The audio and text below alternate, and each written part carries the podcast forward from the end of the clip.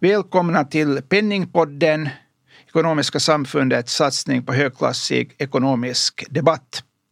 Idag ska vi diskutera ekonomisk journalistik, dess nutid, forntid och framtid. Eh, med mig i studion har jag Björn Sundell, välkommen. Tack. Och på länk eh, Anna Back, välkommen. Tack. Vi ska börja med Anna, du är nyhetschef för ekonomi på Hufvudstadsbladet. Och eh, som många av våra lyssnare vet har Hufvudstadsbladet ökat sin ekonomibevakning den senaste tiden. Det här mot bakgrunden av att affärsmagasinet Forum har lagts ner och, eh, och, och en del extra resurser kom den vägen till Hufvudstadsbladet. Samtidigt sker andra förändringar nämligen Ekonomiska samfundets tidskrift ökar frekvensen i sin utgivning från två till tre nummer per år. Och eh, vi vet att det finns många andra satsningar på ekonomi, till exempel på, på rundradion.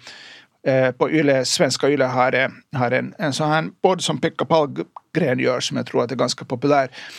Eh, men låt oss börja med och från det här ska vi sen diskutera mera, mera det där, trender eh, också nationellt och, och europeiskt och globalt. Men Anna, låt, låt mig börja med dig. Eh, kan du berätta om eh, Hufvudstadsbladets satsning på ekonomijournalistik?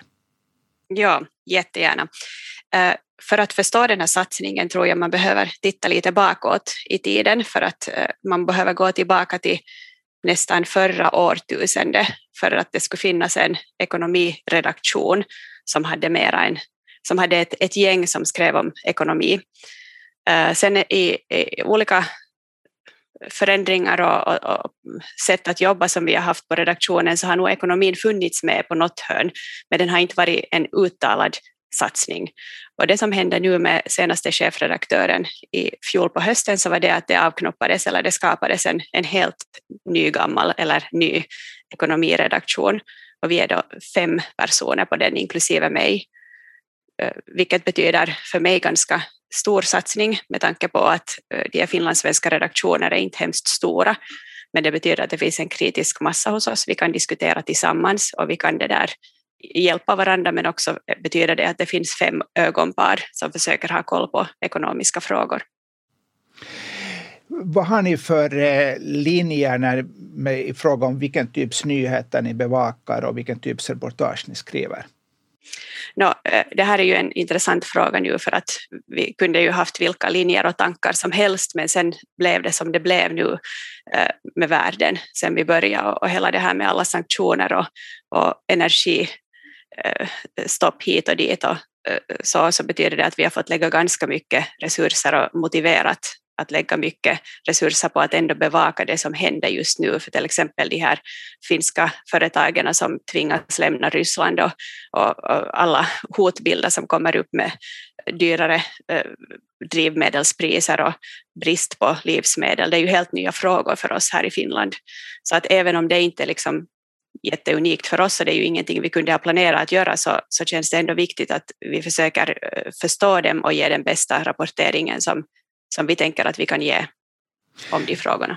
Du menar att i en situation där eh, eh, efter Rysslands angrepp mot eh, Ukraina och allt som har följt på det så är det naturligt att bevakningen fokuserar också i ekonomiska frågor på just de här frågorna? Jag skulle säga kanske inte att, att bevakningen fokuserar men att om man är fem personer så blir man tvungen att vika en del åt att bevaka det som just nu händer rakt framför våra ögon. Att I vanliga fall om vi diskuterar ekonomijournalistik så finns det kanske mycket mer att göra som är mycket mera eh, som ger den egna bevakningen en särprägel. Men, men det, det kommer ni att få se senare från vår del förutsatt att det inte fortsätter vara så här akut kris omkring oss. Björn Sundell, du har varit ekonomijournalist sen anno dazumal kanske man nästan Men kan säga. 1977 ungefär kanske, nu inte anno dazumal. Det, det är klart på förra årtusendets sida i varje fall. Men vilka, vilken, eh, vilka tankar har du om eh, trenderna just nu och speciellt nu om vi utgår från Hufvudstadsbladets satsning? Jag tycker att det är alldeles utmärkt att Hufvudstadsbladet nu satsar på ekonomi igen. Det är alltså 15 år som, som man då har låtit bli att göra det.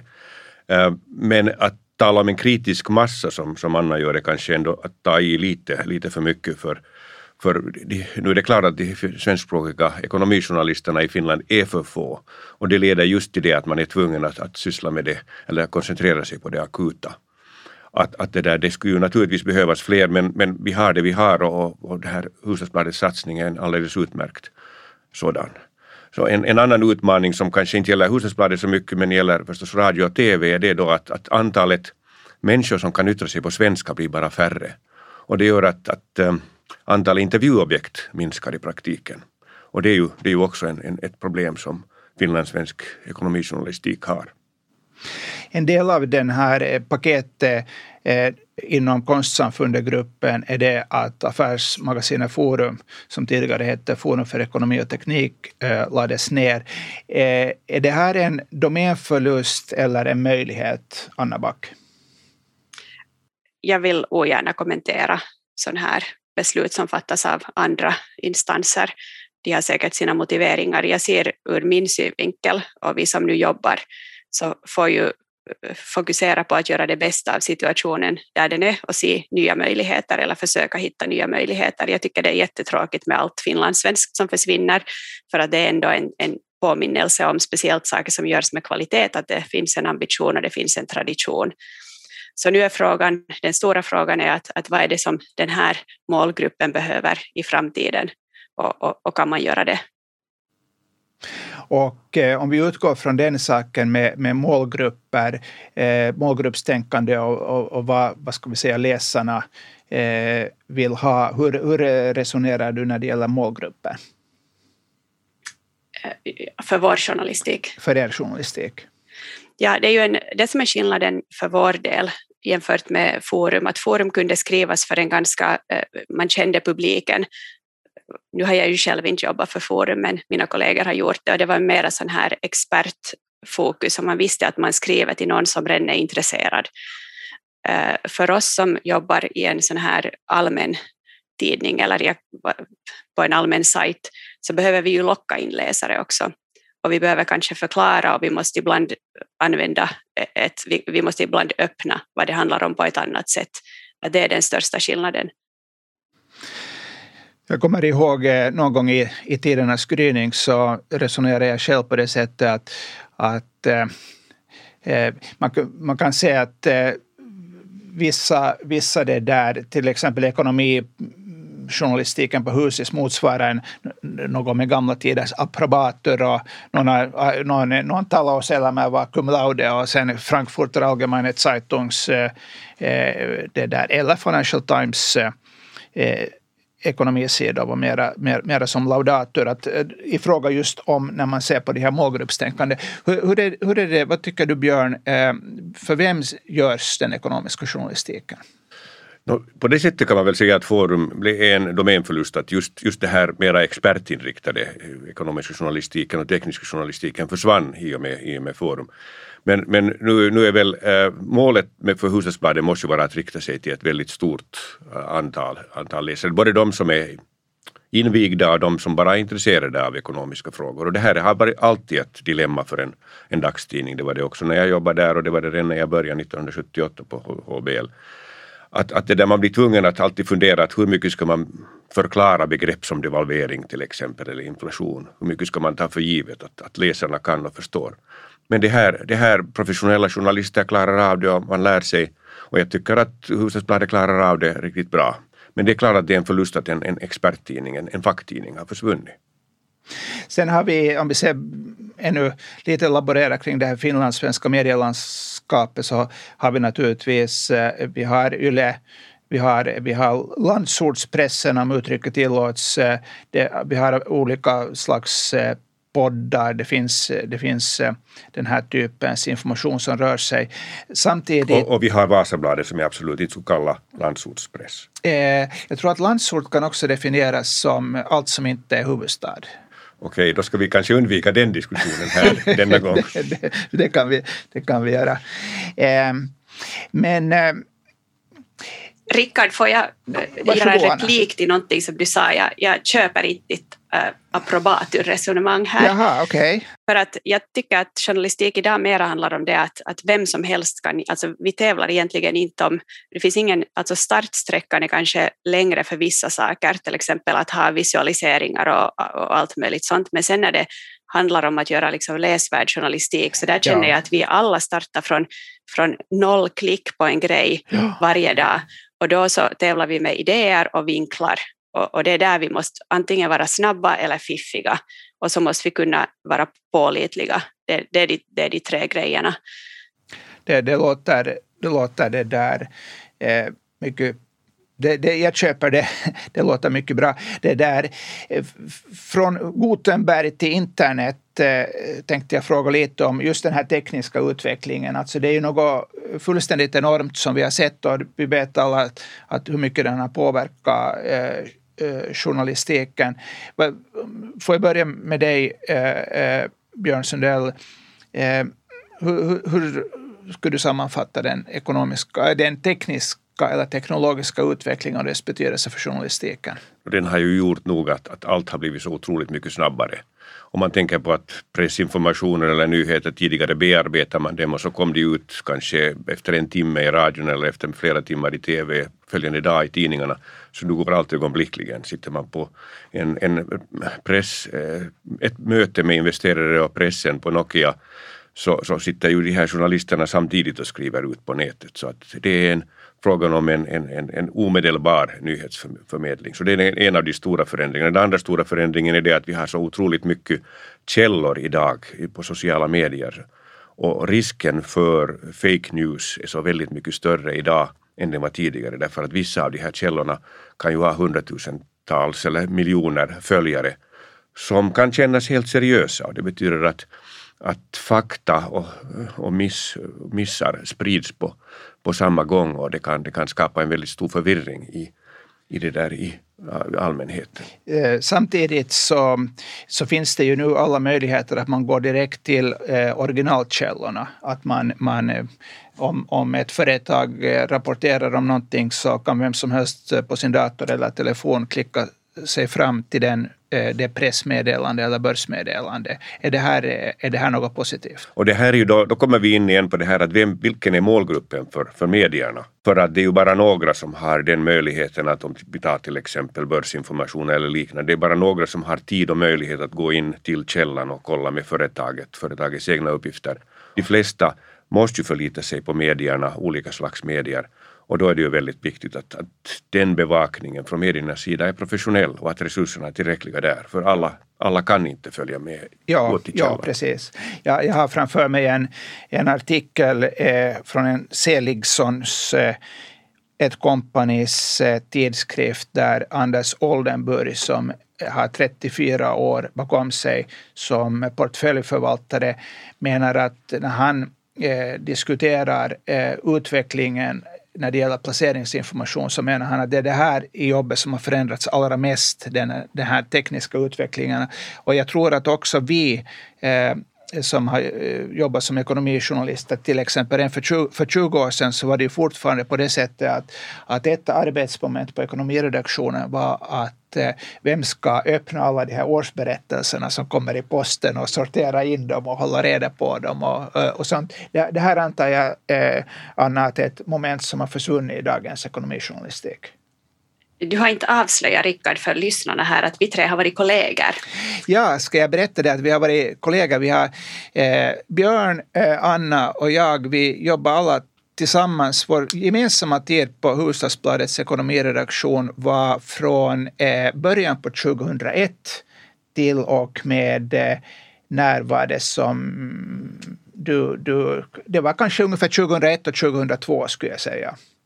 Eh, det var på många sätt en tid som jag ser tillbaka på med stort nöje för att eh, inte bara det att det var trevliga kollegor, det var, det var kanske också tycker jag, någon form av eh, journalistikens guldålder till exempel. Att det kändes ganska spännande att vara journalist. Kanske det är det fortfarande idag? Eller, eller? Det är det fortfarande idag, Rickard. Vi skulle inte ha lämnat skeppet. Det där. Det ska, jag vill återgå till den här tiden bara för att ta den här frågan som du egentligen ställer till Björn, för att, att det är nog en väsentlig utveckling. Alla har ju drabbats av, eller fått uh, vara del om en stor utveckling på 20 år, det är lång tid i, i, i ett modernt samhälle.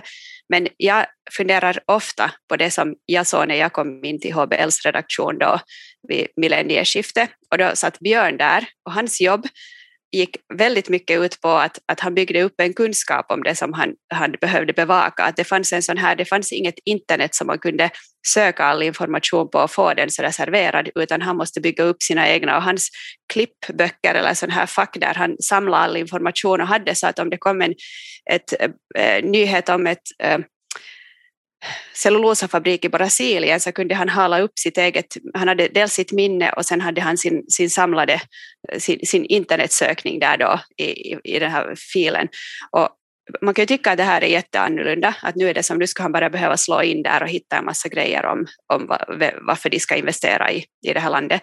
Men så är det ju inte riktigt heller, för att eh, internet är inte så där pålitligt att man kan helt lita på att jag får fram all information den dag jag behöver den, utan det gäller nog att vara precis lika systematisk som Björn när man gör en ekonomisk bevakning, att följa med vad som händer, vilka aktörerna är och till och med ta tillvara vissa dokument, det behöver ju inte då vara i form av papper. För att företagen, som man, speciellt om man jobbar med företag, det är ju ingen som förpliktigar dem att hålla kvar någonting. Eller det som är, eh, speciellt om någon går i konkurs eller någonting, så det finns inte, inte nödvändigtvis kvar det som man, som man söker efter den dag man söker efter det. Så att till exempel känner jag ju att äh, e-post, utskickade e-postmeddelanden, det är en skatt för framtiden, för där finns alla, mycket mer information än man hittar via, via nätet. Så att på det viset så har det här jobbet förändrats mycket, men, men själva journalistiken och, och jobb, hur man måste jobba som journalist, så det kanske har förändrats mindre än man först tänker.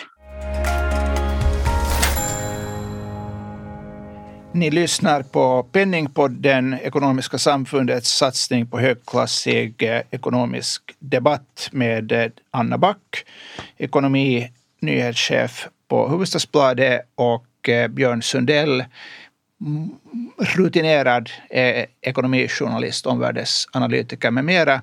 Jag heter Rickard Brande. Vi fortsätter här från det som, som Anna sa, att det finns, eh, eh tolkar det också på det sättet rätt att, eh, att mycket har inte förändrats. Ja, fast där du tar företagen som exempel, så där finns ju det som såklart faller bort är att, eh, eller har kommit till, så det är det att alla har fått egna kanaler till intressegrupper. Så till exempel så, så behövs inte den där journalisten som sitter där som mellanhand för att skriva ner vad en eh, bank eller vad ett företag vill nå ut med till sina kunder, utan det kan man ordna direkt mot kunderna på olika sätt.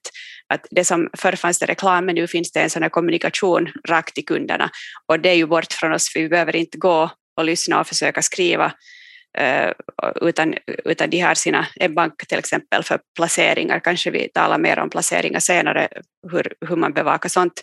Men där finns det som en, en eh, direkt väg mellan företaget och så att säga våra läsare också.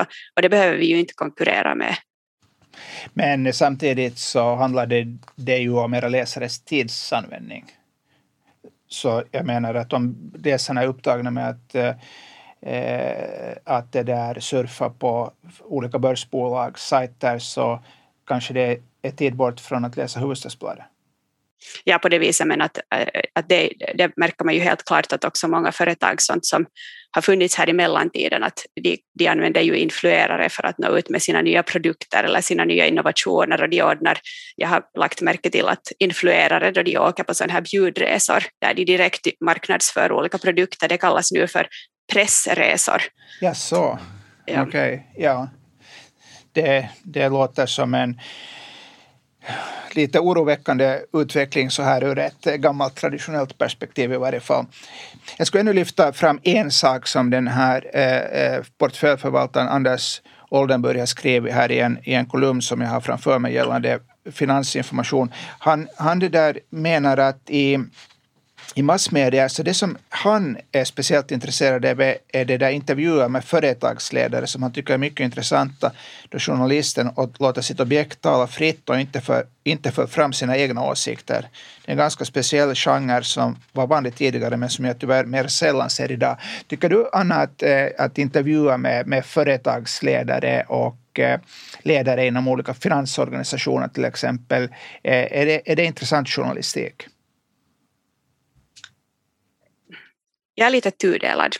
För att eh, nu är det ju så, det måste man ju säga, från, eh, det är också en utveckling som har skett, att det finns ju ingen VD som kommer till en intervju utan att veta exakt vad hen eh, ämnar säga. Det vill säga att ofta är det en, en, en del av en PR situation, att man sitter där som journalist. Eh, att tro att man får fast eh, djupa tankar och, och centrala saker som, så, så, tack vare det journalistiska jobbet, eh, det kräver ganska mycket av journalisten, så att om man klarar av att konfrontera eller ställa kritiska frågor och, och på det viset belysa intressanta Eh, aspekter som annars inte kommer fram, så då fungerar det bra. Men det kräver mycket av journalisten och det kräver också en del av den som blir intervjuad. Det finns, eh, vi har lite förvånats nu om, om de här, det är ganska tajta tyglar på många av de här toppcheferna.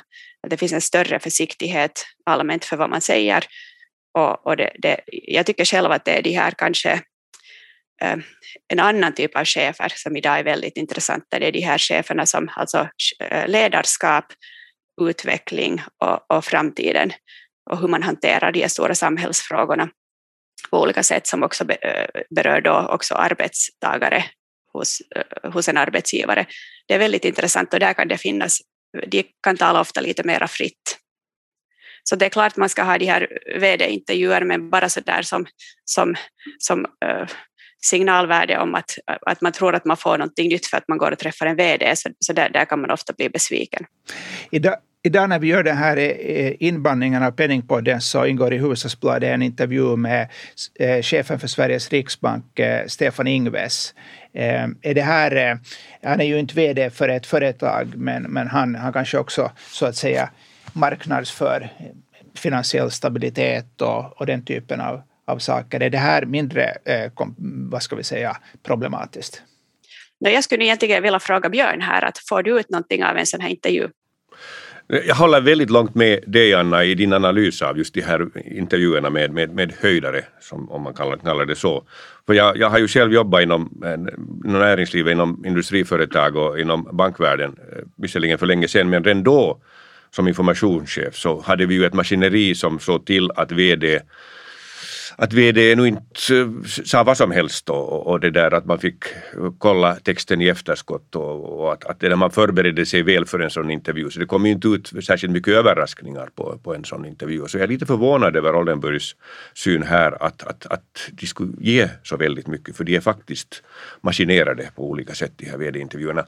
Om vi tar det här med, med, med Stefan Ingves till exempel så chefen för en svensk riksbank har ju ganska mycket större frihetsgrader än cheferna för de de här övriga, de flesta europeiska centralbanker är ju ganska hårt styrda och det, det, finns mycket mindre möjligheter för chefen för Finlands bank att yttra sig än, än chefen för, för det där Sveriges riksbank. Så att jag tror att en, en intervju med Ingves kan ge en, en del om hur, man se, hur han ser på, på ränteläget och inflationen och så vidare. Men jag tycker att om vi kollar de senaste Ska vi se de senaste sex månadernas uttalanden från centralbankerna så har vi ju konsekvent sett att de har underskattat risken för en ökande inflation. De har konsekvent pratat ner riskerna och liksom trott att vi nog ganska snabbt återgår till, till stabilare tider och det har gått precis tvärtom. Så jag, jag skulle nog säga att, att det är väldigt svårt att, att särskilja Uh, uttalanden från till exempel centralbankschefer, från direkt PR från deras sida. Det, det, är ett slags önsketänkande. De vill påverka utvecklingen genom sina uttalanden men i praktiken visar det inte hur det kommer att gå. Det, det här är naturligtvis en väldigt intressant uh, sak som du Björn nu lyfter fram och full disclosure så är jag alltså för Penningpoddens lyssnare så, så jag eh, jobbar eh, som seniorkommunikatör på Finlands Bank men är tjänstledig just nu, vilket, vilket inte betyder att, eh, att jag inte fortfarande har eh, koppling till min, till min arbetsgivare. Men, men jag vill bara säga det när det gäller information om penningpolitik så en, det är en del av själva penningpolitiken är den här informationen och hur den sprids. Alltså man, sant, man, man, så det är svårt att särskilja om man ser till exempel på en centralbanks kommunikation så skiljer sig från ett börsbolags kommunikation på det sättet att, att själva kommunikationen, här kan man verkligen säga kanske att the media is the message. Att, att det, det är det där eh, det som, det, som, det som man säger är en del av, av produkten så att säga. Så att det, men att det här är en... en, en men men, men ja. Rika, det här visar ju just ja. att, att journalisterna måste vara oerhört vaksamma och, och, inte okritiskt som, som Oldenburg efterlyser det här att, att journalisterna inte ska komma med sina egna åsikter. Nu här är den här kritiska journalisten en oerhört viktig part i den allmänna diskussionen därför att ja. den vägen så får man fram vad som egentligen är manipulation av, av, av det där åsikterna och vad som, vad som kan vara verkligen sant. Samtidigt så det som eh, som är ett faktum är att eh, just på grund av den tekniska utvecklingen så försöker till exempel centralbankerna eh, presentera sitt budskap på ett sådant sätt eh, att det, det, det liksom riktas in till olika nivåer genom infografik och den typens metoder så, så, att, så att säga den vanliga medborgaren ska förstå den här informationen samtidigt som man kanske uttrycker sig på en mer teknisk eh, nivå till, eh, till marknadsaktörer som, som följer, följer Bloombergs terminal. Men jag tror nästan att det här är, skulle kunna vara ett tema för en, för en helt eh, separat avsnitt av, av, av Penningpodden. Så att, Alldeles säkert. Så jag tycker att du lägger fingret på det som på något vis är är, är det där utmaningen för att det där rör vi oss på en så hög nivå och så abstrakt för de flesta människor. Vi skriver ju, eh, det kan jag berätta att, att vi jobbar nu för tiden på HBL så vi jobbar inte, du tog upp att vi har flera sidor i tidningen men, men, men mitt uppdrag är att jobba för eh, digitala artiklar och att de ska verka intressanta så att folk läser dem Eh, och det här betyder att eh, om du skriver om inflation och centralbanker så det känns ofta väldigt långt borta från läsaren och, och därför är också den här analysen av att, att vad de tycker eller vart är vi på väg och sen kommer det prognoser hit och dit. Så, så det är ganska sällan som vi märker att sånt blir väldigt läst och, och det är en bra signal om att, att det kanske inte är den journalistik som, som vi ska lägga hemskt mycket krut på. Vi kan ju läsa hur de resonerar och sen läsa när de uppgraderar sin prognos eh, igen, vi, men vi, det är inte det som vi kanske ska skriva till våra läsare. Om man då väljer mer det här konsumentperspektivet, eh, till exempel hur marknadsräntorna utvecklas, hur, hur det påverkar bolånekostnaderna, eh, löneutvecklingen, så då, då när, närmar vi väl oss det som, eh, som så att säga vanliga läsare kan vara eh, konkret intresserade av. Och det här är då någonting som, som ni kan mäta med dagens eh, digitala journalistik, eller hur? Ni kan mäta de här klickarna på artiklar. Ja, och går det, vad ska vi säga, om du har ett sånt tema som i Sverige vet vi att det är väldigt mycket, man ska binda bolåneräntan eller den ska vara rörlig. I Finland är det ett annat sätt, men, men den här typens artiklar, lyckas du locka läsare till dem? Ja, och det intressanta med den här typen av artiklar som gäller likaså också artiklar om till exempel bostadspris, att, att traditionell journalistik har tänkt att äh, vi gör det här, vi kollar på det här en gång i halvåret eller vi skriver någonting om det en gång per år. Men sen när någonting rör på sig och det kommer någonting nytt, så det här är saker man måste återkomma till gång på gång och skriva om ungefär samma sak men få in nya röster eller, eller uppdatera för att, att det som folk söker information eller det blir intressant just i ett läge när det händer och det kan hända igen om två månader. Och här måste vi förstå en annan typ av processtänk kanske än tidigare, att då satt man och samlade ihop sin textmaterial eh, material och så gav man ifrån texten och så var det bra med det och så tar man, går man vidare med nästa. Men nu måste vi mera hålla sådana här bevakningar och följa med vad som händer och sen återkomma till exempel, nu har ju de här eh, vi har hållit på att tala om eh, drivmedelspriser i jag vet inte hur länge och det känns ju som allt är sagt och upplägget ändrar inte så mycket. Men så på samma sätt så ibland är det ju det att det finns någonting verkligt liksom fel som har begåtts och där ser jag att det finns hur mycket som helst att ösa ur nu. Jag skulle inte kanske tala om det som konsumentjournalistik eller så skulle jag kalla det en nytids konsumentjournalistik. För att eh, allt det här som handlar om, vi får ganska mycket tips och vi reder ganska ofta ut det här att, att man har beställt någonting och så fick man inte, eller så får man inte tag i kundtjänsten eller så är det ingen som upplyser en om att ens eh, eh kostnad blev så här stor. Man kan inte ta sig loss ur, ur, ur ett avtal. Och det här är nog jätteviktiga frågor och här tror jag att man är intresserad av mer än det som direkt berör en själv, för det är som en fråga för tiden. Absolut, eh, det, det, tror jag att vi alla, alla kan hålla med om. Samtidigt så finns det de här stora med globala megatrenderna som till exempel eh, klimatfrågan, det, frågan om krig och fred, eh, global frihandel. Eh, eh, Björn Sundell, det är sådana frågor som du ofta lyfter fram i till exempel dina artiklar och, och, och kolumner. Hur ser du på journalistikens roll i bevakningen av den här typen av frågor? Ja, här tror jag att just det här problemet med den kritiska massan inom finlandssvensk journalistik kommer fram att, att det finns för få eh, svenskspråkiga journalister som kan fokusera på, på de här eh, centrala, stora, globala frågorna ur olika perspektiv. Och ja, klimatfrågan är ju kanske den allra mest akuta på den här punkten därför att att ofta är det bara någon enstaka journalist som bevakar den och då blir det lätt en, en ensidig bevakning av klimatproblematiken. Jag tar bara som exempel att under många år har man kritiserat det att att, en, att, att BNP styr väldigt mycket av den ekonomiska politiken. BNP-tillväxten är ett slags fokus för, för ekonomisk politik. Idag kan man väl säga att, att klimatpolitiken väldigt mycket fokuserar på det att klarar vi av 1,5 procents uppvärmning eller blir det 2 procents uppvärmning och, och, jag tror, tycker att vi kan inte ha en samhällspolitik som utgår från ett, till exempel antalet grader som, som, som den här temperaturen stiger eller inte stiger. Utan det är ju, klimatpolitiken berör så oerhört många olika delar av samhället och det är viktigt att de åtgärder som genomförs, de beslut som tas betraktar samhället som helhet. Det ska förstås gynna eh, klimatet men det måste också göras så att, att ing, vissa grupper i samhället inte blir extremt lidande av det och att man inte gör fel beslut på grund av brådskan.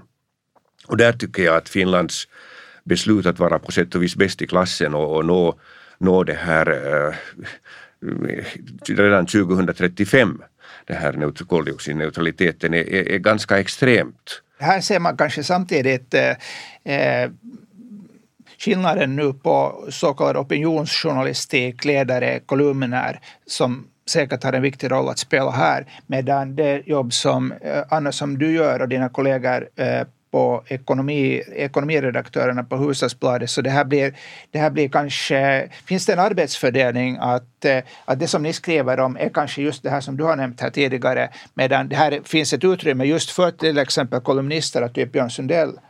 Eh, blir det en bra mix eller, eller eh, borde det vara mera nyheter i den riktningen som Björn här nämnde? Jag skulle säga att den här eh, klimatfrågan är en av de viktigaste ekonomiska frågorna, så det är naturligtvis på vår redaktions eh, väldigt starka bevakningslista.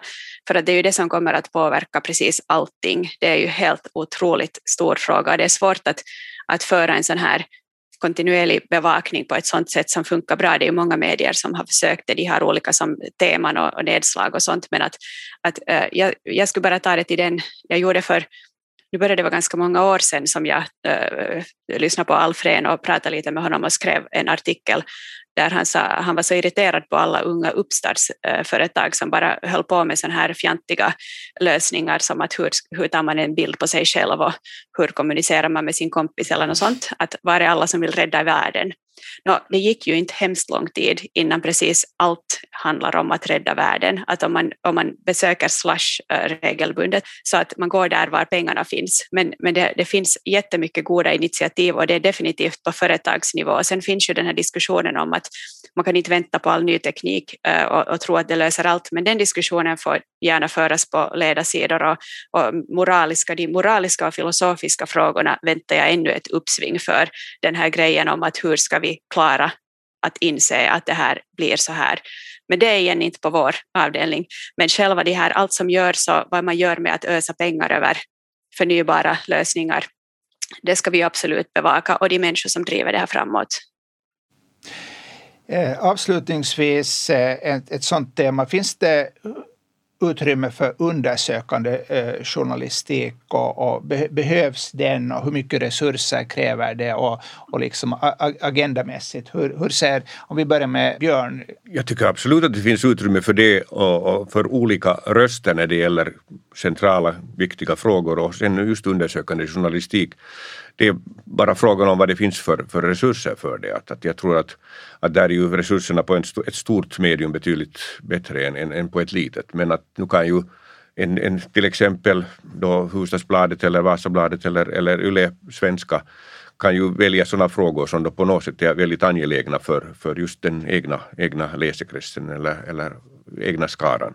Men absolut behövs det, oberoende av vad Anders Oldenburg tycker där om, om den här sortens journalistik där journalisterna på sätt och vis också för fram sina, sina egna tankar. Anna, finns det utrymme för undersökande journalistik? Eh, för vår del så ska jag säga att just nu så har vi mycket annat att, att få igång och, och etablera oss med innan vi börjar vika om man talar om undersökande journalistik som tidsslukande journalistik. Men jag tror ju att mycket element av de här som kommer tack vare att andra Eh, medier har möjlighet att, att syssla med det här grävande så, så vidgar bilden av vad en journalist egentligen kan fråga. Att det är ju inte alltid så att, att vi kan göra det här själva, men det finns ju massor med andra aktörer i samhället som ändå håller på med att reda ut uh, vad som egentligen händer och att komma ihåg att ringa och fråga dem och att lyfta fram dem i, i bevakningen så, så kanske tar oss lite åt det hållet. Men, men för HBLs del så, så nej, då, det, vi är nog, där har vi nog inte den här kritiska massan som, som Björn är kritisk till. Jag är inte kritisk till den, jag hoppas att den någon gång kommer att finnas igen. Men, men att jag är inte hemskt optimistisk på den punkten. Med dessa ord så ska vi så småningom börja avrunda det här avsnittet av Penningpodden, Ekonomiska samfundets eh, satsning på högklassig ekonomisk debatt. Eh, och samtidigt eh, ska jag göra lite reklam just för vår tidskrift som alltså ökar sin frekvens från två nummer per år till, till tre. Och, och det finns eh, det, det, här är kanske lite också en möjlighet att, eh, att läsa lite fördjupningar på olika teman som komplement till andra medier. Alltså Rickard, om du, inte nu, om du lyssnar på den här podden utan att vara invigd, så eh, vad, köper man den där? Tack Anna. Den är faktiskt fritt tillgänglig på nätet, på Ekonomiska samfundets eh, webbplats som den skickliga googlaren eh, elegant hittar. Och dessutom kan man prenumerera på den i pappersform genom att bli medlem i, i samfundet. Med dessa ord så ber jag att få tacka dagens gäster. Anna Back, nyhetschef för eh, ekonomi på Hufvudstadsbladet och eh, Björn Sundell, mångkunnig eh, ekonomisk journalist, fortfarande verksam. Tack ska ni ha båda två. Tack till lyssnarna. Ge oss gärna feedback. Vi återkommer. Tack. Hej.